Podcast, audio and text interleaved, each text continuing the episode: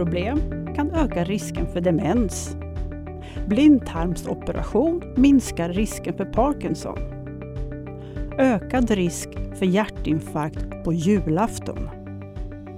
Det här är bara ett axplock av den senaste tidens tidningsrubriker som innehåller ordet risk med koppling till hälsa. Oftast finns det en forskningsstudie bakom varje sådan rubrik, men budskapet har vässats och skruvats rejält innan det når tidningsrubrikerna. Så hur ska vi tolka alla dessa hälsolarm? Och vad ska vi vara uppmärksamma på och ska vi överhuvudtaget bry oss? Jag heter Eva Bartonek och för att reda ut de här frågorna kring risker så har jag idag bjudit hit Jonas Manjer som är professor vid Lunds universitet och bröstkirurg vid Skånes universitetssjukhus. Han är också epidemiolog och hans forskning handlar om att undersöka hur olika faktorer påverkar aggressiviteten och överlevnaden i bröstcancer. Så välkommen hit Jonas! Tack så mycket! Det är roligt att vara här. Du har sagt en gång att det är inte många forskare som har så goda möjligheter att skrämma upp stora grupper av människor som vi epidemiologer. Så jag tänkte att jag skulle börja med att be dig att reda ut vad det är ni sysslar med egentligen. Ja, nej, det är ju fantastiska möjligheter att man kan få någon att vara intresserad av ens forskning. De flesta forskare som berättar om vad de gör får ju ganska eh, klent gensvar. Men eh, precis de här första studierna som, som du berättade om här, det är ju precis så. Man blir jätterädd. Det är vanliga saker och det är vanliga sjukdomar. Många studier görs ju som överhuvudtaget inte visar någonting och de kommer aldrig till Aftonbladet och Expressen.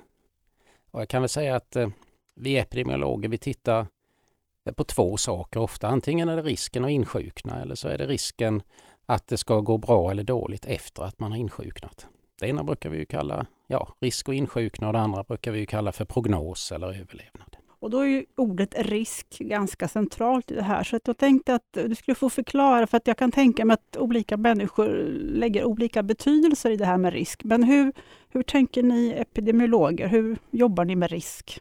Ja, risk och chans hör ju ihop och eh, man kan ju säga i någon slags vardagligt språkbruk så är ju så risk, det handlar ju om att kommer jag bli sjuk eller inte? Kommer någonting att hända eller inte? Det är som man brukar säga, risken att vinna högsta vinsten på Lotto, den är ju för individen är den ju hälften, den är 50 procent. Antingen vinner man eller så vinner man inte. Och Det där blir väldigt besvärligt när man använder det där språkbruket eh, när man ska redovisa analysresultat. Om vi nu säger att vissa kvinnor kanske, jag håller på med bröstcancer, att det är 80 procent som lever efter 10 år. Det innebär ju att det är i en jättestor grupp är det 80 procent som lever. Men man kan ju inte överleva till 80 procent. Antingen så lever man eller så lever man inte. Så det, det där blir ofta väldigt svårt när man ska kommunicera risker och när man ska tolka det som enskild människa. Då gäller det mig här och nu. För det här, just det här med hur risk presenteras spelar ju, spelar ju stor roll. Och beroende på hur det presenteras så kan man få det att låta så att säga olika mycket farligt. Att till exempel säga att någon har en hundraprocentigt ökad risk att drabbas av en viss sjukdom, så kan det ju vara så att en del människor tolkar det som att de säkert kommer få sjukdomen, men så är det ju inte. Och det här handlar ju om absolut och relativ risk. Kan du reda ut det, de här begreppen? Absolut och relativ risk är ju jättesvårt och det är många gånger hamnar det om att man inte vet heller vad det är för risk folk pratar om om man presenterar några resultat.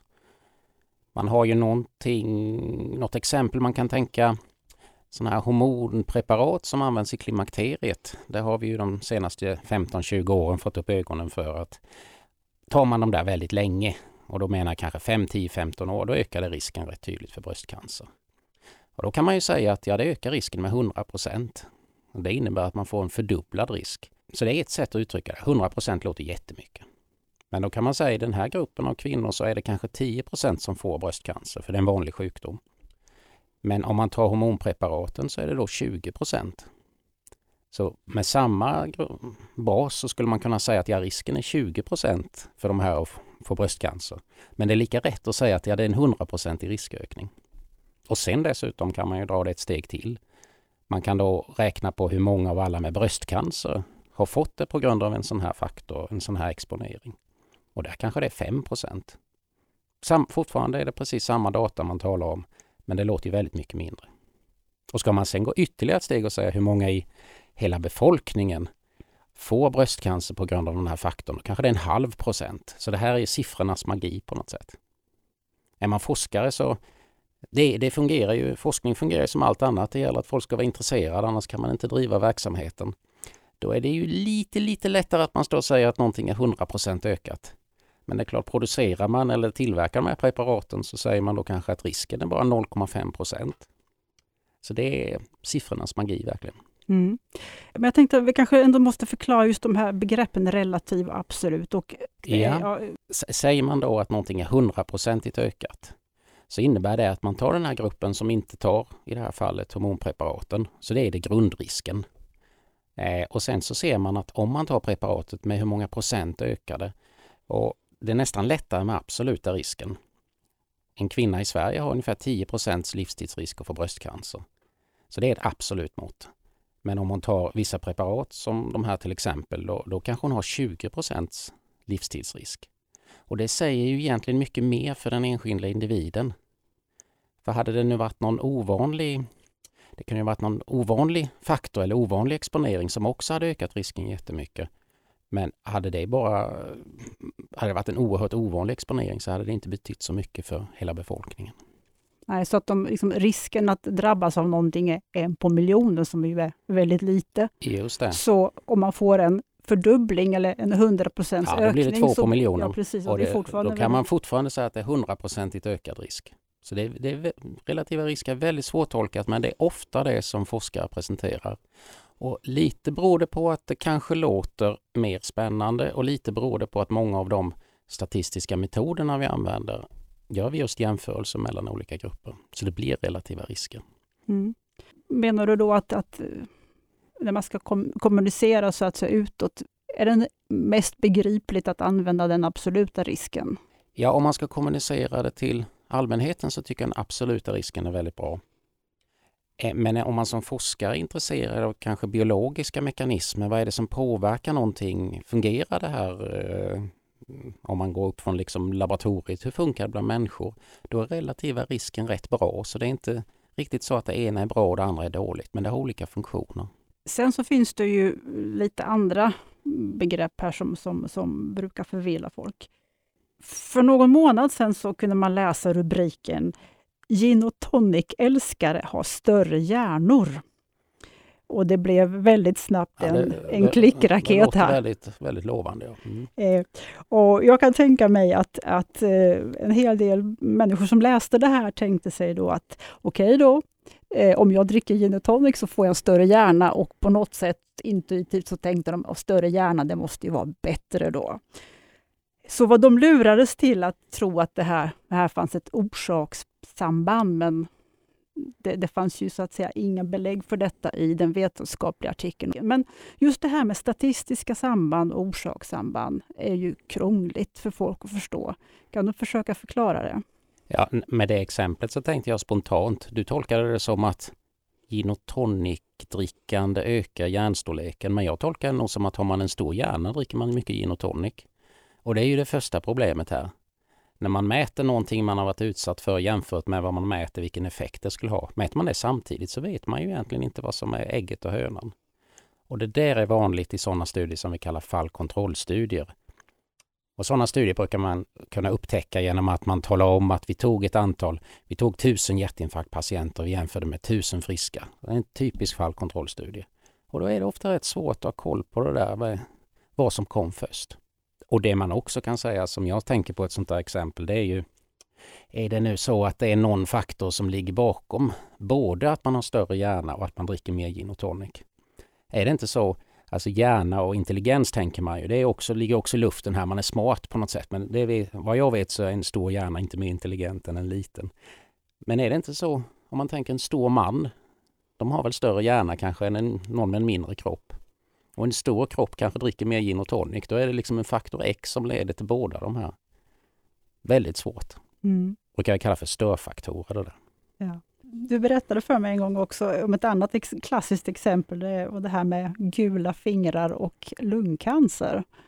Eh, Ja, och det, det har säkert många hört, ja. men det är också väldigt tydligt. Det är ju helt klart så att har man gula fingrar så har man en ökad risk för lungcancer. Och det, kan, och, och, och det där var en ökad risk för lungcancer. Det är typiskt så då att då tittar man tusen lungcancerpatienter, många har gula fingrar? Ja, det är ganska många. Tusen som inte är lungcancerpatienter, hur många har gula fingrar? Jag kanske inte är fullt så många. Och det är så man tolkar då att är det vanligare med det här bland de sjuka, då tolkar man det som en riskökning. Och det kan man ju, som vi sa med det andra, diskutera. Men här är det just en störfaktor. Det är inte alls de här gula fingrarna utan det är ju, det är ju att man röker. Det är att man käran färgar fingrarna gula. Det kallas för confounders ibland också, störfaktor. Jättestort bekymmer i många studier. Och det, det är liksom det som är poängen med oss epidemiologer. Det är det som är vår specialkunskap, att vi kan bena ut vad faktorerna står för. Ja, då tänkte jag att nästa fråga får väl bli då liksom, hur, hur jobbar ni? Vad har ni för metoder? Vad är det för typ av studier ni jobbar med? Som epidemiolog så jobbar man ju, en klassisk metod är ju den här fallkontrollstudien som vi pratade om. Eh, men de allra tidigaste metoderna, det som epidemiologer har fått sitt namn av, det var ju när man på 1800-talet i England, det, det, är de mest kända exemplen när man tittade på kolera, hur det spreds i, i London. Och då kunde man säga att i vissa områden i London så blev man mer kolerasjuk. Och man kunde koppla det där till speciella pumpar där man hämtade sitt vatten. Och eh, så det började som en studie av infektionssjukdomar, spridning av sjukdomen i befolkningen. Och sen har det mer och mer kommit in på det här med kroniska sjukdomar som cancer, diabetes och hjärtinfarkt. Så sådana studier var liksom de första. Geografiska skillnader, skillnader över tid. Sen kom vi till fallkontrollstudierna och det vi försöker göra nu det är prospektiva studier, framåtblickande studier. Man tar en stor grupp med människor som är friska kanske. När jag säger stor grupp så menar jag minst 10, 20, 30 000. Undersöker dem och så ser man om de insjuknar över tid. Så det, det är de vanligaste arbetssätten. Mm. Är det det som kallas för observationsstudier då? Ja, allt detta är observationsstudier. Mm. Det vill säga när man inte gör någonting. Man bara skärper sitt sätt att observera vad mm. som händer mm. naturligt. Mm. Eh, och jag kan tänka mig då att alla studier har ju sina för och nackdelar, men, men till exempel en sån där då prospektiv observationsstudie. Vad, eh, vad har den för fördelar och vad har den för nackdelar? Ja, en sak som är väldigt bra med prospektiva studier det är ju att man kan komma åt det här med orsak och verkan. Ägget och hönan. Mm. Mäter man någonting nu, hur man lever, hur man äter, hur mycket man röker, ja, vilken vikt man har. Och så är man fortfarande frisk och sen ser man vad som händer under 10-20 år. Då kan man ju vara hyfsat säker på att den faktorn man studerar kommer före det som man är intresserad av, före sjukdomen. Så det är en stor fördel jämfört med fallkontrollstudier. Den stora nackdelen är att man måste vänta i 20 år på resultaten. Det är ju oerhört frustrerande och det är ju också väldigt kostnadsdrivande. Att undersöka 30 000 individer istället för 2 000 det är, det är ju väldigt dyrt. Och där kan man ju säga i forskningsvärlden så är ju tid är ju något av det dyrbaraste vi har. Så det är nackdelarna eh, och fördelarna med en prospektiv studie kan man säga. Mm. Och sen en stor nackdel är ju också att folk eh, det är ju inte laboratoriemöss vi, eh, vi studerar som eh, lever väldigt kontrollerat utan folk, det händer ju saker och ting. Och sådana här studier har ganska sällan koll på vad som händer under uppföljningen. Slutar man röka? Går man ner i vikt? Går man upp i vikt? Det är också ett bekymmer. Men det, det, det, kan man alltid invända mot en sån studie men det är å andra sidan en del av designen. Så det vet alla att det är på det viset. Jag tänkte att eh, vi skulle ta ett konkret exempel. Det finns ju en stor studie som har gjorts i Malmö som heter Malmö kostcancerstudier. Då. Och eh, där, om jag, det är vad man kallar en stor befolkningsstudie där man har då försökt titta på eventuella kopplingar mellan livsstil, diet och mm, cancerrisk. Då. Mm. Och, och, du har själv gjort en del forskning inom ramen för den här Malmö kostcancerstudien. Men kan du börja med att berätta, förklara vad det är för en studie? För det är väldigt mycket människor som har ingått i den. Ja, det är det. det är, ja, på 70 80-talet så blev det ett större och större intresse för det här med kost och cancer. Man hade funderade på att det kanske är 10, 20, 30, 40 procent av all cancer som beror på kosten. Och de studierna man hade haft var ganska små. Det var just sådana här fallkontrollstudier. Eh, man ville satsa på att göra en stor studie. Så Cancerfonden gick in och eh, finansierade en stor del av detta. Och så undersökte man ungefär 30 000 Malmöbor under 4-5 år i början av 90-talet. Och det här, eh, dels frågade man om det man brukar göra i sådana här studier. Eh, ja, längd och vikt och rökning och man mätte alla de här och tog blodprover på alla. Men sen mätte man kost också. Och det, det är svårt att mäta kost.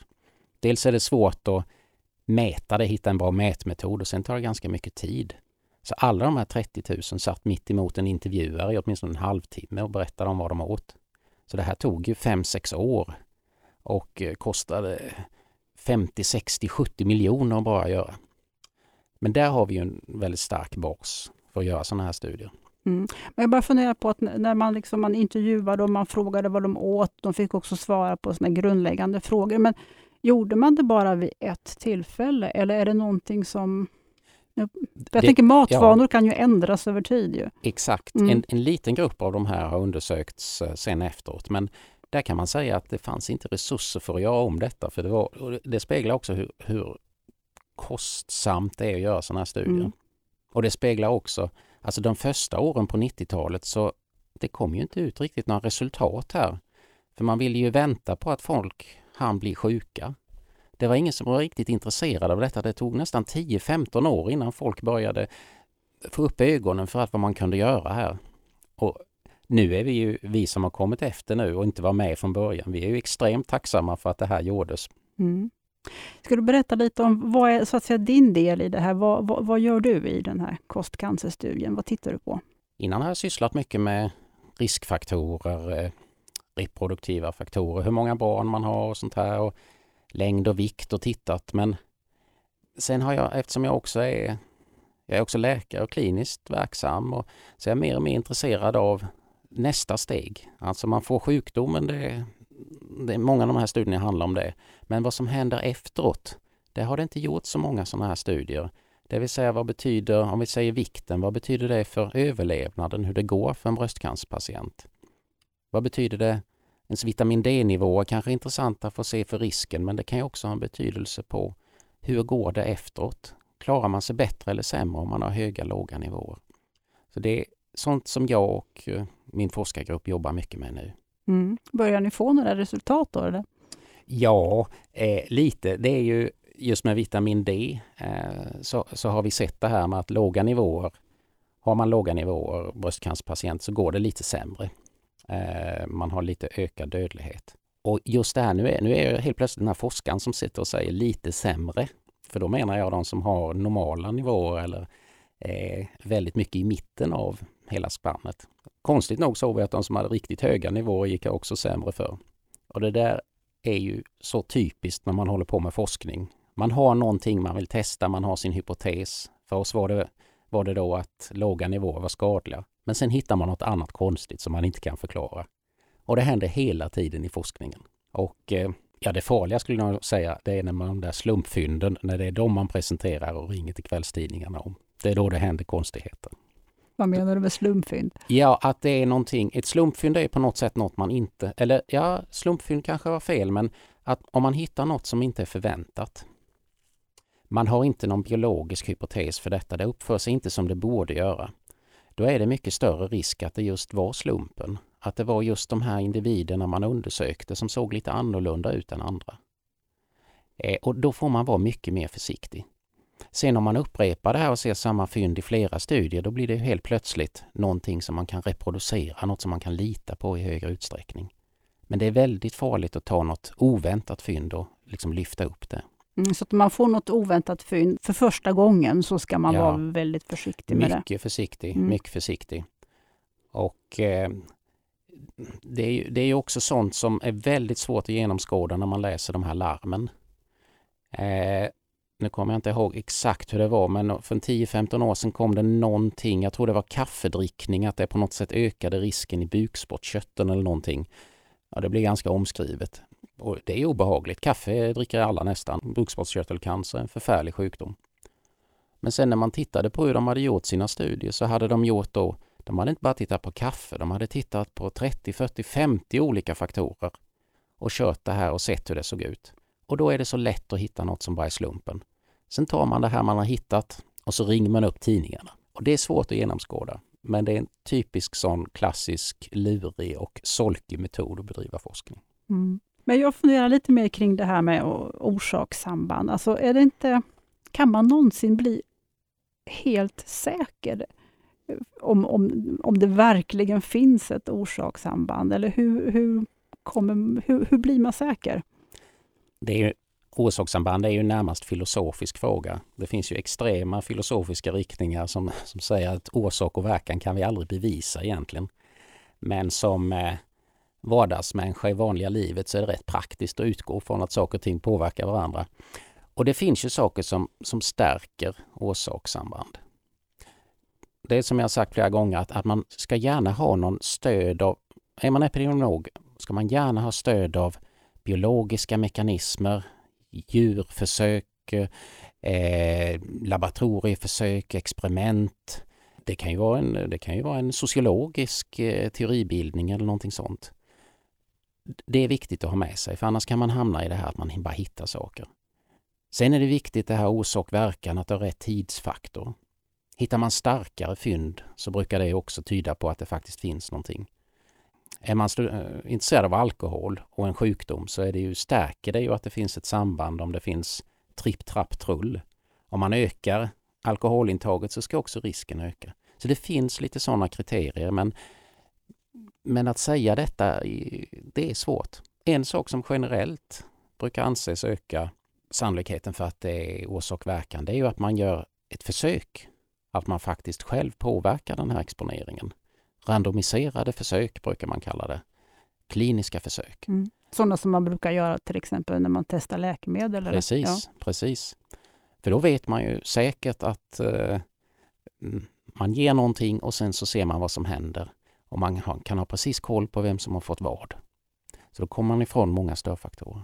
Men sådana gör ni inte så ofta av olika anledningar? Alltså jag är ju det, det görs ju mängder med sådana studier. Jag är ju, mm. sysslar mycket med observationsstudier. Mm. Men det görs ju massor med sådana studier. Sen, och de är ju bäst. Jag har sysslat med observationsstudier hela mitt liv men jag kan säga att en randomiserad studie är ju bättre.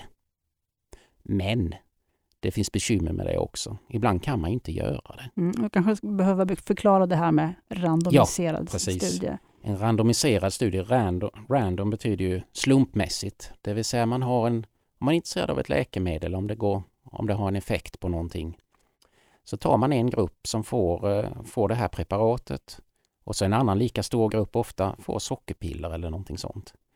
Eh, och det är bara slumpen som avgör vad man får och man vet inte vad man har fått. Och det kan man ju säga att vissa saker är utmärkt att pröva på det viset och det ger stark grund för om det har någon effekt. Nya läkemedel till exempel. Men om man tar det här med rökning vad jag vet har man aldrig gjort någon studie, alltså något kontrollförsök med att se om rökning ökar eller minskar risken. Och det är ju helt etiskt omöjligt. Man, man, kan inte så att säga försäkra sig om att en stor grupp människor faktiskt röker två paket cigaretter om dagen och en annan grupp inte röker. Vi skulle aldrig kunna göra en sån studie och det skulle vara förfärligt att ens tänka på det. Så ibland kan man inte göra det. Sen kan det också vara att eh, Vissa sjukdomar är så ovanliga att eh, man kan inte få ihop de här utan man måste gå bakåt i tiden. Jag jobbade tidigare inom plastikkirurgi och där, där, där är det många sådana här eh, tillstånd, till exempel olika missbildningar. Det kanske, det kanske rör sig om 20-30 sådana patienter om året i hela Sverige. De kan man liksom inte undersöka på det viset utan då får man kanske ta de tio senaste åren och då blir det observationsstudier, bakåtblickande studier med nödvändighet. Så det här kompletterar varandra. Mm. Jag tänkte att nu skulle vi släppa lite grann av din forskning och tänkte att, skulle, vi ställa en lite mer generell fråga. Det här med gentester för hemmabruk har ju blivit populärt på, på senare tid och en del använder det liksom när de håller på med släktforskning. Och, men eh, det finns ju också tester som man kan köpa för att ta reda på om man har några riskgener för ja, olika sjukdomar och sådär. Men vad, vad, ska man tro om, om de här testerna? Säger de no någonting överhuvudtaget? De säger säkert en del. Det finns ju på, på senare tid har man ju undersökt mycket, mycket genetiska faktorer som kanske är ganska vanliga men de påverkar risken ganska lite. när vi pratar om genetik tänker vi ofta på enskilda gener och någonting som att har man fått det av sina föräldrar så är det rätt säkert att man blir sjuk. Men de här gentesterna bygger ofta på vanliga genetiska förändringar som rätt sällan ger någon sjukdom. Så har man det här så kanske man som grupp har en 10 i ökad risk för en sjukdom eller kanske bara en 3 i ökad risk. Eh, så, så de stämmer nog på något sätt de här gentesterna men det blir ganska svårtolkat. Om man nu har en sån här genetisk förändring som ökar ens risk för en sjukdom med 3% under hela livstiden så säger ju det ändå ganska lite. Om den här sjukdomen, om det nu är hjärtinfarkt eller någonting så är det ju extremt mycket viktigare hur man lever sitt liv till exempel. Men, dock, eh, gå tillbaka till det, det, det säger ändå någonting och gentesten innehåller ofta flera genetiska förändringar så, så någonting kan det säga men, men det blir svårtolkat på individnivå. Det är det. Och sen är det, där tycker jag också det finns ett etiskt problem och det handlar just om informationen. När vi inom sjukvården gör genetiska tester så är vi ju oerhört uppmärksamma på att det här ger ju väldigt svåra frågor för individen. Att få reda på att man har en genetisk risk för någonting, det gör ju att tankarna om, ja har man barn så funderar man hur det går för dem och man kanske till och med funderar på om man ska skaffa barn eller inte och göra ett genetiskt test och få ett sådant svar hem skickat i brevlådan. Det blir ju oerhört svårtolkat. Jag skulle säga att jag skulle inte, jag, säg nu att jag skulle göra ett sånt här test på mig själv och få hem någonting om min risk för att få Parkinson pratade vi om. Jag, jag, kan säga att jag skulle inte riktigt kunna tolka det där. Jag skulle behöva någon att fråga. Så det, det är väldigt svårt det här. Innan man gör ett sånt test måste man vara beredd på att få ett svar och agera på det i allmänhet. Så det är svårt. Så att eh, om jag tolkar det rätt, att ja, testerna i sig kanske inte är så dåliga, men det är just det här liksom när man får svaret att det är viktigt att, att det levereras av någon som kan hjälpa till att tolka det och som kan eh, bistå med rådgivning och så. Ja, just det. Jag skulle säga testerna är nog väl så bra för att undersöka det man kan se med sådana här tester, men men det är inte säkert att det har så där jättestor betydelse för ens enskilda risk och just att tolka det, där behöver man någon skulle jag säga. Mm. För som sagt, de, de flesta sjukdomar så att säga, det, risken avgörs av en väldig massa gener. Men sen finns det ju några sjukdomar som faktiskt styrs av en enda gen. Och exempel på det är cystisk fibros, Huntingtons mm. sjukdom, men också den här eh, ärftliga formen av bröstcancer då, som styrs av en enda gen. Ja, just det. Och eh, eh, De här kvinnorna som bär på den här genen, de har då en väldigt hög risk att drabbas mm. av bröstcancer någon gång under sitt liv. Och du träffar ju just de här patienterna i, i ditt jobb. Vad, eh, hur presenterar du risken för dem? Hur, hur, hur förklarar du det här för dem? Ja, då är man ju då är man tillbaka till detta igen med eh, den individuella risken och grupprisken. Och här får man ju efter bästa förmåga försöka förklara den här skillnaden att, att en ökad risk, att man har det, det, det innebär ju inte alls säkert att man får den här sjukdomen. Hur stor är den här risken? Ja, tittar man på det som jag kan bäst av de här är ju bröstcancergenerna Mm, ja, precis, det är den jag menar. BRCA1, BRCA2. Mm. Där har man ju en livstidsrisk på kanske 60 till 80 procent att få sjukdomen. Och, eh, men, men där har vi också, dels handlar det om att man får informera om det, men där har vi också någonting att erbjuda. Man måste agera på det. Och i det här fallet så får kvinnorna valet att antingen följer man med täta kontroller eller så kan man operera bort brösten. Låter mycket, mycket drastiskt men, men det är de alternativen man har. Och det här är ju det här det är ett svårt budskap och lite, och jag tror med rätta kan jag nog säga att vi inom sjukvården låter kvinnan väldigt mycket välja, för vi vet inte att det ena är oerhört mycket bättre än det andra. Hur eh, påverkar det så att säga risken att dö? Är det någon skillnad där mellan de här olika metoderna? Eller? Det är lite oklart här kunskapsmässigt när det gäller risken att dö. Eh, inga väldigt stora skillnader. Vi, ty vi, tycker fortfarande det, eller vi tycker att det är två jämbördiga sätt att hantera den här risken. Följa med täta kontroller eller operera bort bröstkörtlarna. Men det som är den stora skillnaden det är ju hur man sen hanterar det. För väljer man att följa med täta kontroller då tillåter man ju så att säga att man insjuknar. Så insjuknandet är ju mycket högre i den gruppen. Men, eh, men det är ju två helt olika sätt att hantera sin risk. Att tillåta sig att bli sjuk, genomgå behandlingar eller att man tar bort bröstet och risken blir nästan noll. Mm, och då är ju också skillnaden där att om man, så att säga in, om man väljer att följa sjukdomen så är det ju ändå en viss andel kvinnor som ju aldrig insjuknar och slipper operationen. Absolut. Ja. Det, det, är ju, det är fördelen där och där är vi ju tillbaka på individuell risk och grupprisk igen. Vi vet ju aldrig vem som kommer att klara sig. På, på, vi kan aldrig peka ut någon utan alla får då en viss behandling eller inte en viss behandling. Och alla personer reagerar olika. En del vill inte leva med risken och andra vill in, helst inte utsätta sig för Just att bli opererade. Och där, där får man ju som, eftersom vi ser det som två goda metoder så får man ju försöka vara neutral i, i detta. Och jag tror uppriktigt, även om jag är kirurg, så tror jag uppriktigt att det är, det är en väl så god metod att följa de här kvinnorna. Jag tänkte att vi skulle ta och eh, avrunda lite grann med att gå tillbaks till där vi började med de här hälsolarmen då som man kan läsa om i tidningarna. Behöver man bry sig eller liksom vad ska man... Om man, om man läser en sån här artikel, finns det något speciellt man kan liksom hålla utkik efter och se, är det här någonting som, som är seriöst eller har de, ja, vad, vad, vad är viktigt? Jag själv så blir jag bara trött när jag läser de här larmen. Och ibland så blir jag lite, tycker jag det är lite kul. För, för man kan liksom ana vad det är de har, hur de har gjort studien eller vad de har hittat. Många av de här larmen, de, de är ju, man säger risken ökar nu att få, få hjärtinfarkt säger man och då har man studerat det på en grupp möss som man har utsatt för någon slags extrem exponering eller extrem behandling eh, och jämfört med någon annan grupp. Så det, det kan ju vara det första. Eh, är det överhuvudtaget människor man har studerat? Eh, och, och sen är det ju viktigt att se vad andra har visat. Det, det, det kan jag säga, det är så jag hanterar det här själv. Jag, jag kan nog säga att jag förnekar nästan alla sådana här risklarm väldigt kraftigt. Men om det är flera studier som visar samma sak, man upprepar det, gör kanske på lite olika sätt, eh, studier från olika länder, ehm, och det börjar, och då, och då, talar jag inte om två, tre studier utan då talar jag om fem, tio, femton studier. Då börjar jag tro på någonting. Men att man hittar två, tre studier, det brukar inte heller vara tillräckligt. För, för gör man tio studier, då är det bara de studierna som hittar något som publiceras. Det är, det är känt och det är ett stort bekymmer.